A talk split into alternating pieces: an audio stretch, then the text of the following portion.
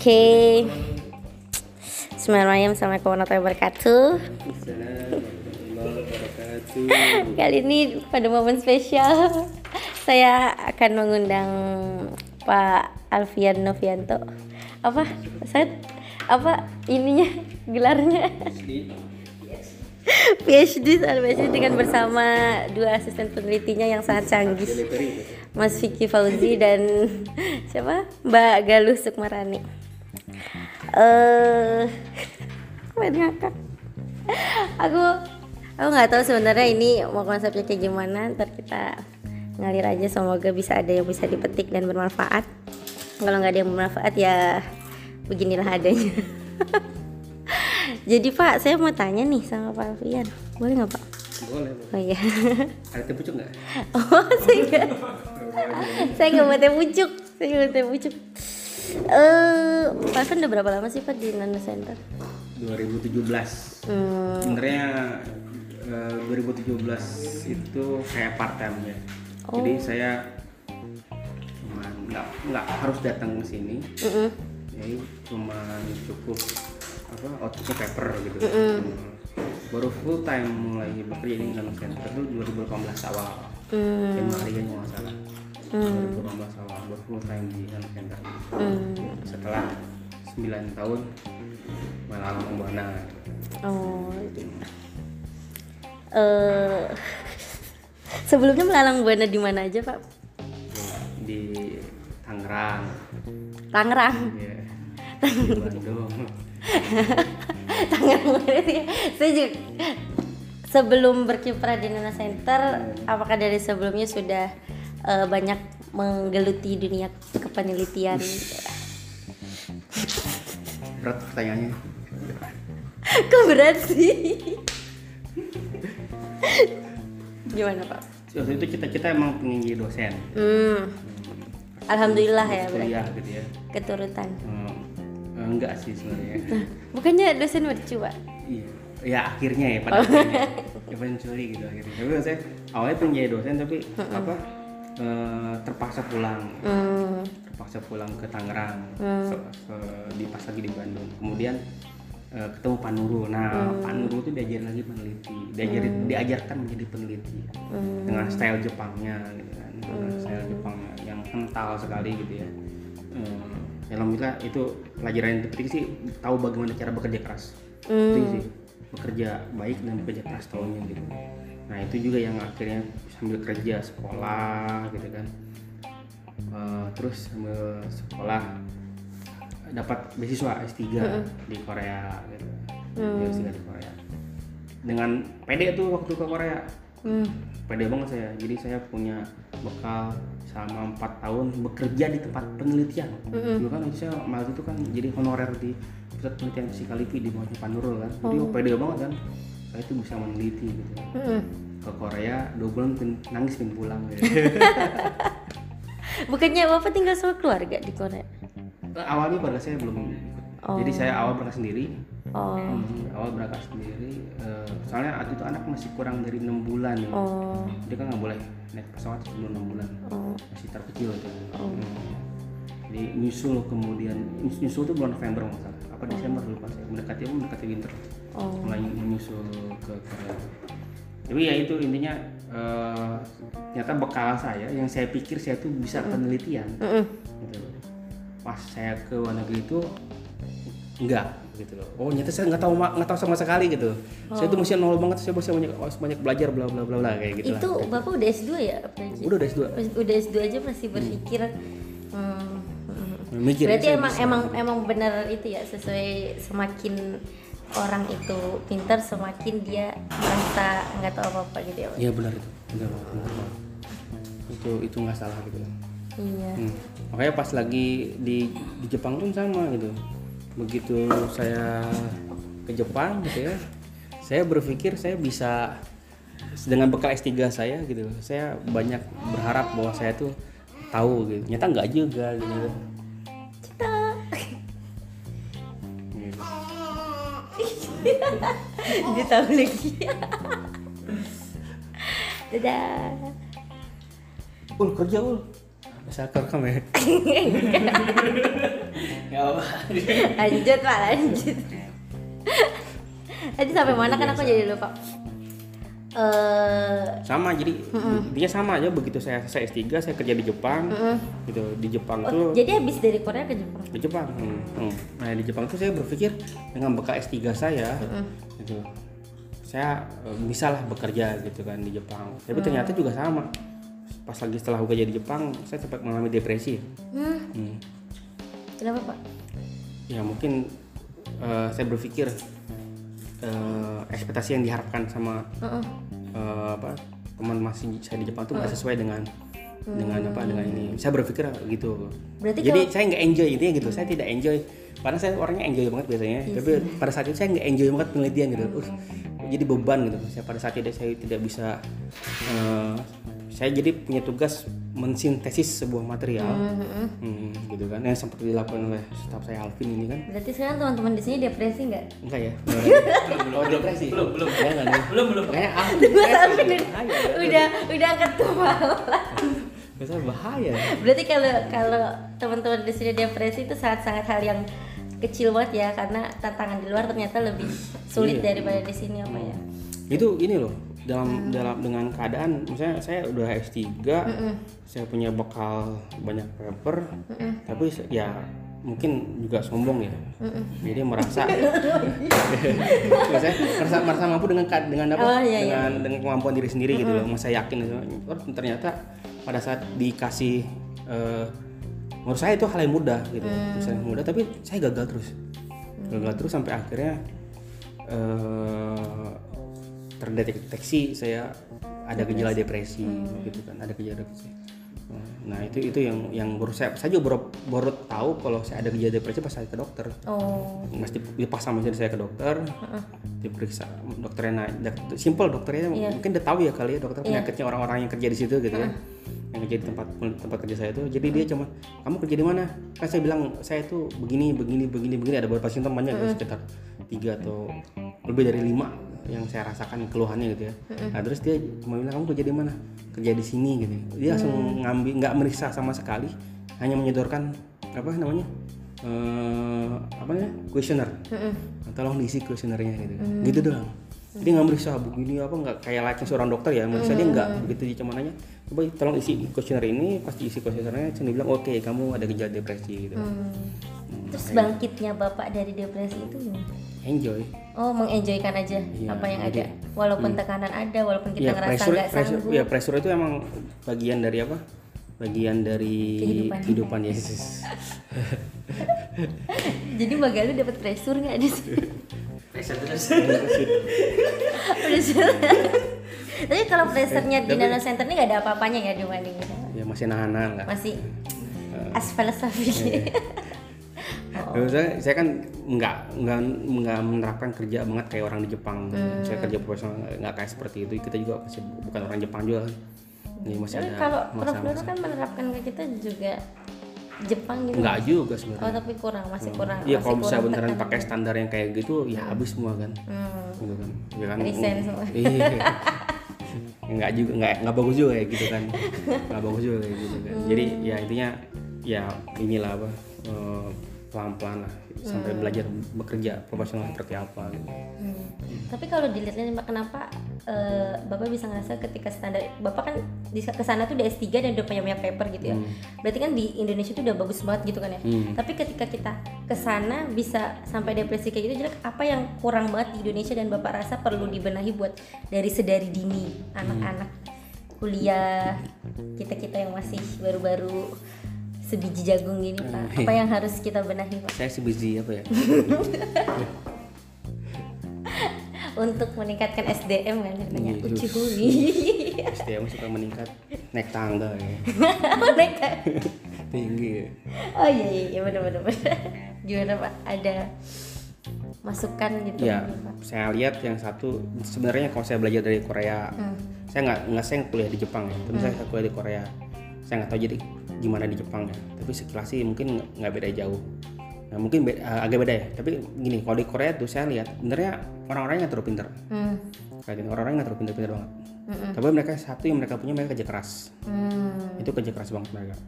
Dan mereka itu nggak hard feeling Oh. Hmm, itu jadi dimarahin ya wajar. Iya iya, Indonesia hard feelingnya sih. tugasnya bos ya marah-marah gitu kan ya. Iya iya. tugasnya bos ya marah-marah gitu. Jadi mereka biasa juga.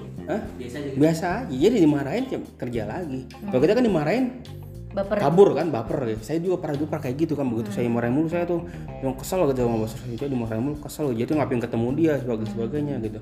Nah itu kan salah gitu. Ternyata saya baru paham gitu. Kerja profesional tuh benernya nggak bawa nggak bawa perasaan gitu loh. Ya emang marah tuh emang karena pekerjaan gitu ya. Dan selesai itu biasa aja. Jadi pernah saya pernah dimarah-marahin gitu ya. Sampai ya tadi juga saya cerita sama teman pernah dimarah-marahin. Setelah saya di, selesai dimarah-marahin gitu ya.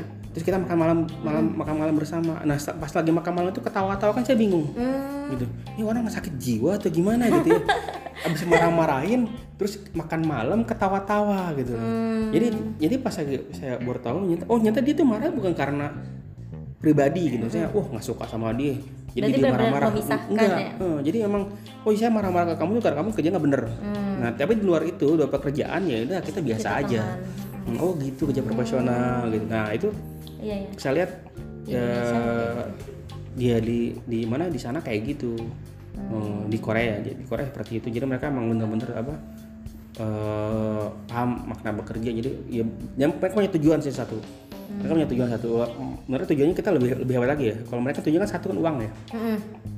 mereka tuh nyari nyari nyari pekerja apa, sekolah yang tinggi dapat pekerjaan bisa ngumpul uang banyak. Hmm. nah tujuannya apa? Ya buat dihabisin. Uangnya gitu sisanya gitu. Jadi emang simpel banget hidupnya. Nah, hidupnya sih very simple gitu. Nah kita kan enggak. Misalnya kita kan ya misalnya kita kerja nih 8 jam gitu ya atau kalau saya kan lebih saya lebih dari 8, 8 jam saya bekerja nah kalau misalnya kerja ini saya cuma ng- ngasain kayak ibadah ya kan wis tinggian yang ngomong ya Enggak benar benar benar benar. kan kita hidup untuk ibadah kan. Jangan sampai mau muntah tuh kalau saya gitu. Sebenarnya sayang aja gitu Iya, kalau kita udah kerja lama panjang tapi habis gitu loh. nggak ada maknanya cuma karena uang gitu. Nah itu menurut saya kita lebih ini lebih apa? Lebih wah dari mereka gitu lebih wah dari mereka. Nah kalau di Jepang kebetulan kalau di Jepang saya nggak saya nggak sekolah di Jepang saya cuma bekerja di Jepang. Dan kebetulan saya bekerja di tempat yang cukup wah juga ya saya salah satu institusi terkenal di dunia.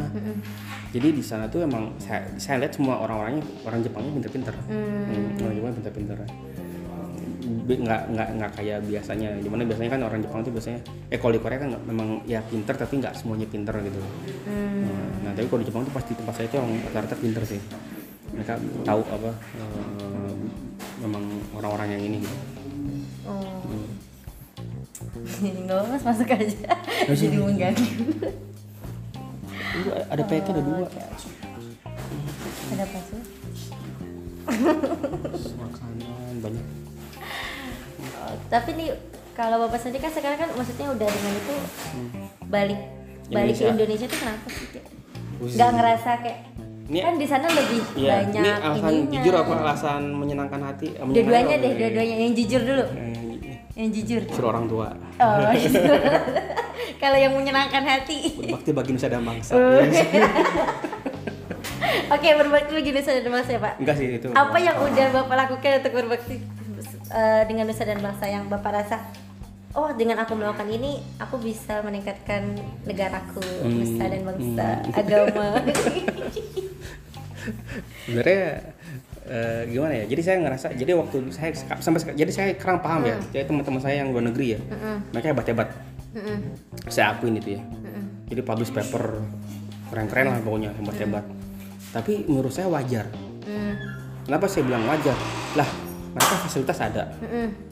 Nggak ada kendala buat apa eh, untuk eksperimen untuk pengujian tuh nggak ada sama sekali kendalanya gitu kan. Nah kalau nggak bisa punya hasil yang baik kebangetan menurut saya. Oh, oke. kayak saya dulu aja kan gitu saya dulu nggak ada batasan sama sekali. Saya punya alat-alat sendiri banget punya lab sendiri. Kalau saya nggak perform ya berarti kebangetan banget gitu kan. Ya nggak? Mm, nah tapi di sini nih saya makanya di sini eh, senangnya di Indonesia sekarang tuh. Saya senang senang senang saya di Indonesia sekarang. Kita ini terbatas fasilitas gitu kan. Saya jadi eh, dulu saya waktu saya di Jepang atau di Korea mau bikin sampel hari ini besok diuji gitu gagal bikin sampel lagi besok uji gitu aja terus. Misalnya nggak nggak apa nggak nggak ada batasan kayak gitu. Nah sekarang nggak. Di sini Indonesia tuh bikin sampel. Nah yang mau kita uji kita pilih-pilih. Hmm. gitu. kira-kira mana nih yang, Yang benar paling- bagus sebagai bagaimana gitu kan nah karena emang ada, ada dana yang harus dikeluarkan buat pengujian gitu Iya, kan. iya, nah jadi terbatas dananya. Jadi nah terus juga dari hasil makanya nggak kayak dulu bisa bisa apa ngubah berapa ribu kali berapa kali kali gitu kan sekarang nggak mungkin di sini. Berarti Saya- fasilitas di Indonesia masih kurang banget sebenarnya Pak. bukan ya fasilitas sekarang agak lumayan tapi masih masih masih emang belum cukup gitu kan belum cukup. Bayangkan gini kan SRD Mm-mm. SRD itu namanya SRD fraksi ya SRD fraction tuh eh, di, di Puspitek ada berapa sih? SRD SRD Puspitek satu dua tiga empat.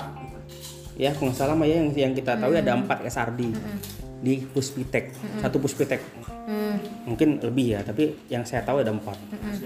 Hmm. Hmm. nah saya waktu di Jepang lab saya punya lima. Oh. Berarti perbandingannya satu puspitek sama satu lab di sana Iya. ya. Dan satu SRD itu itu punya saya. Oh. Nah, jadi ada lima SRD satu punya saya. Jadi semua saya doang yang pakai SRD itu. Gitu. Orang lain makanya izinnya ke saya. Gitu kan. Sampai seperti itu. Iya sih bisa. Hmm. Ya tapi lumayan lah ya. Seenggaknya kita bersyukur ya. ya kita bersyukur. Ya, tapi nggak jadi nggak ada tapi nggak ada batas gitu kan. Oh, kan tungku ada berapa tungku yang ada di Puspitek yang bisa sampai dengan 1500 nggak ada mungkin ya, sama seribu ada sama seribu mungkin ada banyak. Sampai tunggu seribu kan. Sama seribu ratus mungkin nggak terlalu banyak. Apalagi sampai yang lain gitu kan. Lab saya saya punya delapan. Hmm. tungku Pak, tapi simpelnya nih kalau dari pandangan orang awam sendiri sebenarnya impactnya buat eh, masyarakat Indonesia sendiri yang benar-benar biasa, maksudnya orang awam yang eh, nggak terlalu tahu tentang penelitian, nggak terlalu tentang paper kayak gitu, impactnya sendiri dari hasil-hasil penelitian ini tuh ada ke mereka nggak sih? ada. Contohnya yang tidak berasa gitu. Oh gitu ada. Nah itu itu tapi tipikal orang Indonesia ya yang bertanya wah ini kan penelitian cuma berakhir di paper gitu sebagai sebagai sebagainya. Ya kalau peneliti kalau peneliti disuruh bikin suruh jualan tuh salah menurut saya. Nah mana peneliti bukan bisnismen jadi dia nggak bisa cukup nggak bisa suruh jualan. Hmm, jadi harus ada natura. Iya makanya saya natura gitu kan. Natura. Bisa. Jadi emang ada jadi ada orang bagian komersial. Jadi waktu saya kerja di mana di di mana di luar negeri ya sekolah luar negeri. Di waktu apalagi pas lagi saya kerja ya, saya melihat emang ada sebuah apa di di perusahaan yang eh di tempat saya kerja itu ada apa namanya? Ada bagian tersendiri untuk komersial- komersialisasi. Hmm, Nah penelitinya tuh gak direpotin sama hal tersebut. Mereka tugasnya peneliti penelitian penelitian aja. Nah sekarang impactnya ada apa nggak buat masyarakat? Ada, cuma belum terasa. ada yang bawa pernah Hmm, kayak jadi gini, langsung gitu. contoh, contoh gini deh. Hmm, Sekarang bisa ada HP itu gara-gara apa sih? Oh iya. Hmm. Tapi kan bukan peneliti Indonesia, Pak. Iya, tapi itu penelitian. Iya, iya, iya. Iya. Kenapa penelitian Indonesia? Karena karena pemerintahnya nggak mau uang kurang uang banyak penelitian. Hmm. Itu nggak? Betul, betul, betul. Jadi sekarang kita bisa tahu bisa apa eh, ada lampu hemat energi LED gitu kan. Ini dari mana? Dari penelitian. Iya, betul. Dari penelitian. Nah, kan tapi kan itu bukan orang Indonesia. Iya, karena orang Indonesia nggak mau invest di situ gitu loh. Pemerintahnya masih menganggap basic science itu apa nggak penting. Hmm, Padahal menurut saya basic science itu penting. Nggak mungkin kita bisa ke hil ke hul apa ke hilir kalau hulunya nggak tahu kan. iya betul, betul. Hmm, mesti di hulu dulu. Nah di Jepang itu gitu loh, atau atau di Korea, mereka emang dari hilir. Mereka kan reverse engineering ya. Mm-mm. Tapi mereka tahu kuat basic science-nya. Jadi untuk meniru itu mudah. Oh iya sih benar. Nah, Jadi kalau misalnya kalau misalnya eh, hulunya A, hilirnya eh, D gitu kan ya. Kalau kita nggak kalau misalnya orang yang tahu ilmunya, maka di- biarpun dia dari D, dia bisa mundur dengan tahu apa dengan jelas gitu. Dari D itu maka dia harus ke C, ke B, akhirnya ke A. Nah, ketemu semuanya kan, dan dia bisa improve. Nah, tapi orang Indonesia, Sukanya asal jadi nah Iya. nggak semuanya ya, nggak semuanya ya. Saya aku ngerasa pas formulasi juga kayak capek ngebelajarin semuanya satu-satu. Kira jadi jadiin aja dulu. tapi nggak semuanya gitu. jadi, jadi kurang. ini disclaimernya nggak semua orang Indonesia Iya, seperti itu tapi saya kenal beberapa orang yang yang dari D Hmm. ke B Hmm.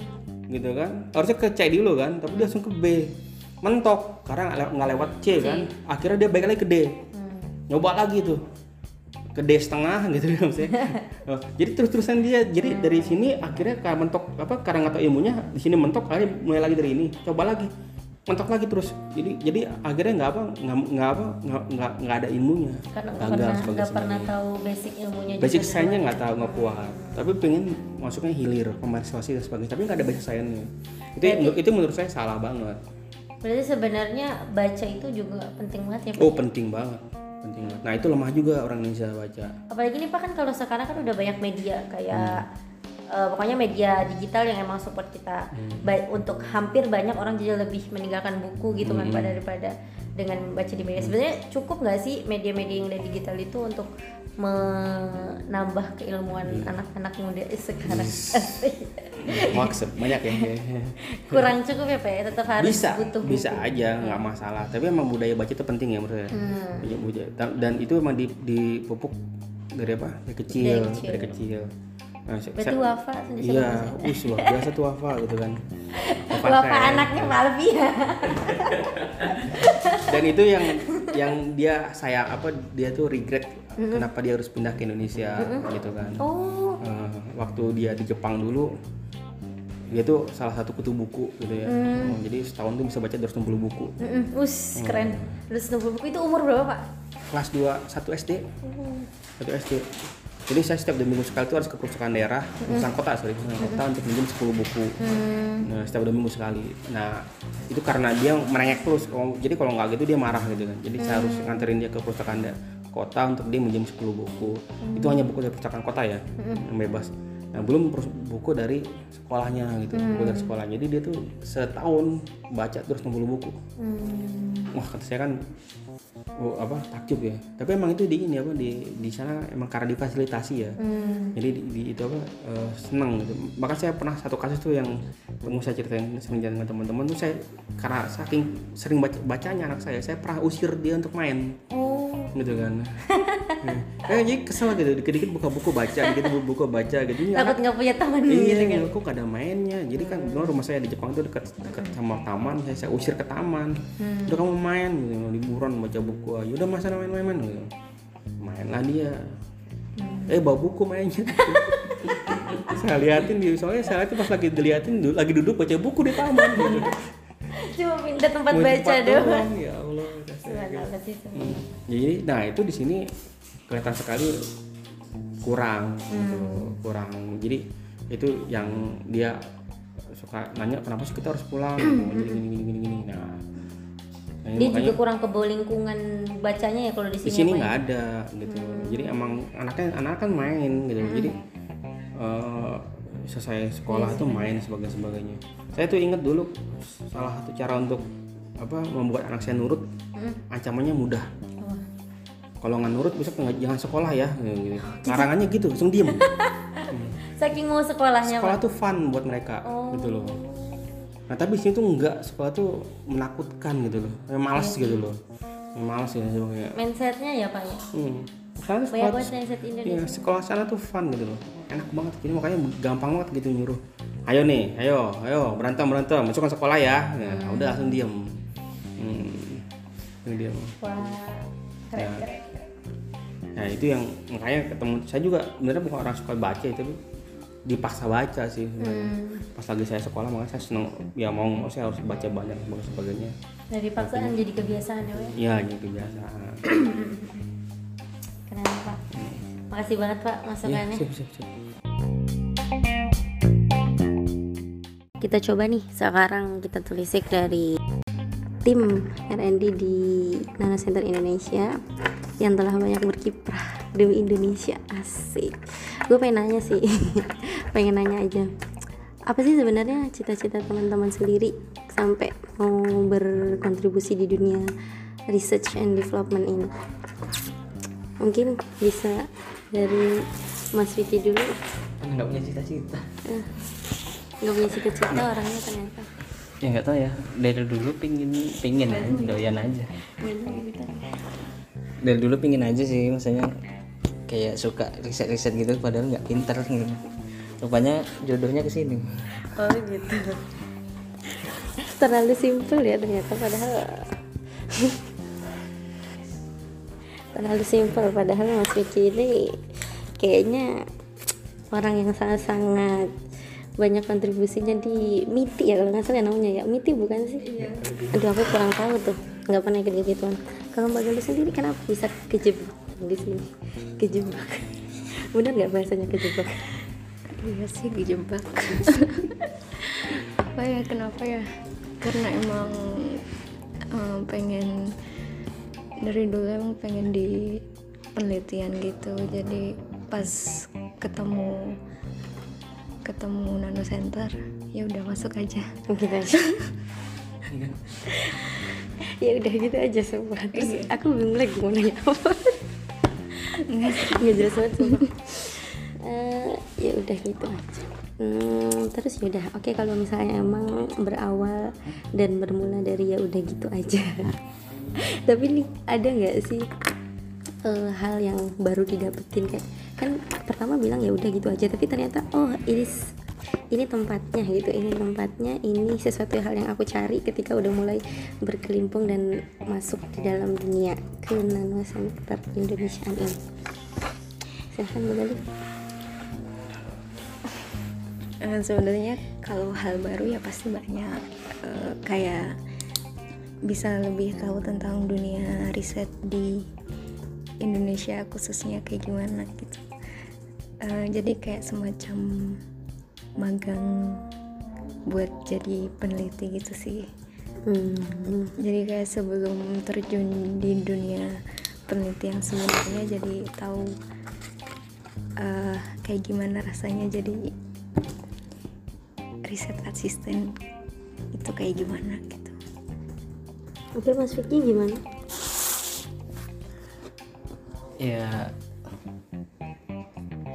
hal baru sih bagi saya kan kan sebelumnya memang kalaupun kalaupun di kampus kan dulu cuman asisten asisten apa asisten peneliti doang maksudnya asisten di ini kan laboratorium gitu nah sementara di sini tuh kayak bener-bener walaupun statusnya kerja tapi udah kayak kayak di kampus gitu saya kayak bener-bener dibimbing dan diperkenalkan dengan dunia riset hmm. yang nggak nyangka sebelumnya gitu. Oke, berarti intinya ya sudah mulai nyemplung lah ya di dunia riset lah.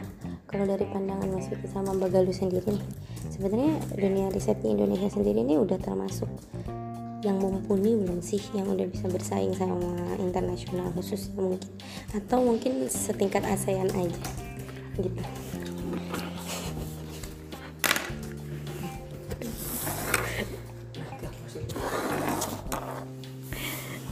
Kalau menurut saya sih gimana ya karena saya baru terjun di sekitar satu tahun di dunia riset jadi menurut saya jika dibandingkan dengan ASEAN contohnya kayak Singapura Malaysia itu mungkin emang sangat jauh tertinggal.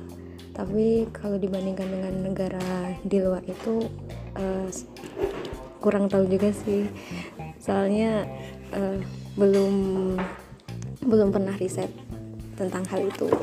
Tapi emang dari segi fasilitas emang mungkin ada yang udah lengkap. Tapi uh, birokrasi dan lain sebagainya itu yang membuat riset di Indonesia ini menjadi nggak maju gitu.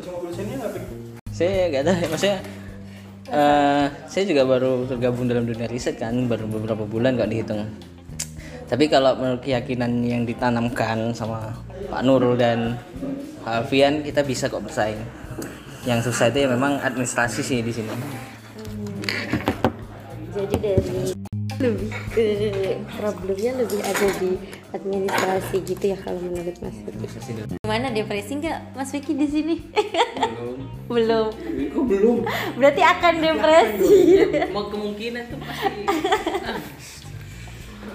Depresi kayak mengejar minat bacanya apa menyamai uh, dengan pot apa kompetensi Pak Alfian ini ada kesulitan yang mendalam enggak sih? Ya, jujur jujur jujur. Bagi saya sih? jujur jujur. ada. Oh ada. Kenapa mas? Di bagian mananya sulit? Apa karena Pak Alfian terlalu banyak baca dan Mas iya maksudnya saya kurang baca. Terutama baca paper kan sih baca buku novel sering. Gitu baca paper kok kurang ini pengetahuannya itu waduh ini udah lari seribu dah masih makan. Satu. Kalau Mbak Galuh sendiri enggak lah ya Mbak Galuh mah anak rajin solihah Sebentar kan. Speak French English. ya Allah harus harus harus. Harus Mbak. Apa ya? Sebenarnya lebih ke eh, hardworkingnya aja sih. Kayak merasa kurang banget kurang kerja keras ya Allah Mbak Galuh aja kurang kerja keras lagi aku Pak. Kayaknya kalau eh, kerja kerasnya lebih lagi mungkin bisa dapat yang lebih lagi. Alvin, Pak Alfian, Mas Alfian ditanya Pak Alfian Mas Alfian lagi menerapkan minat baca. Lagi baca paper beliau sibuk. Ya udah mungkin gitu aja deh sekian makasih itu doang. Iya. Mas Vicky, Pak Galuh, dan Pak Alfian khususnya telah menyempatkan waktunya tanpa teh pucuk lagi. Iya. Semoga keikhla- keikhlasannya membagi ilmu jadi ibadah ya Pak ya. Amin, amin. ya cukup sekian. Wassalamualaikum warahmatullahi wabarakatuh.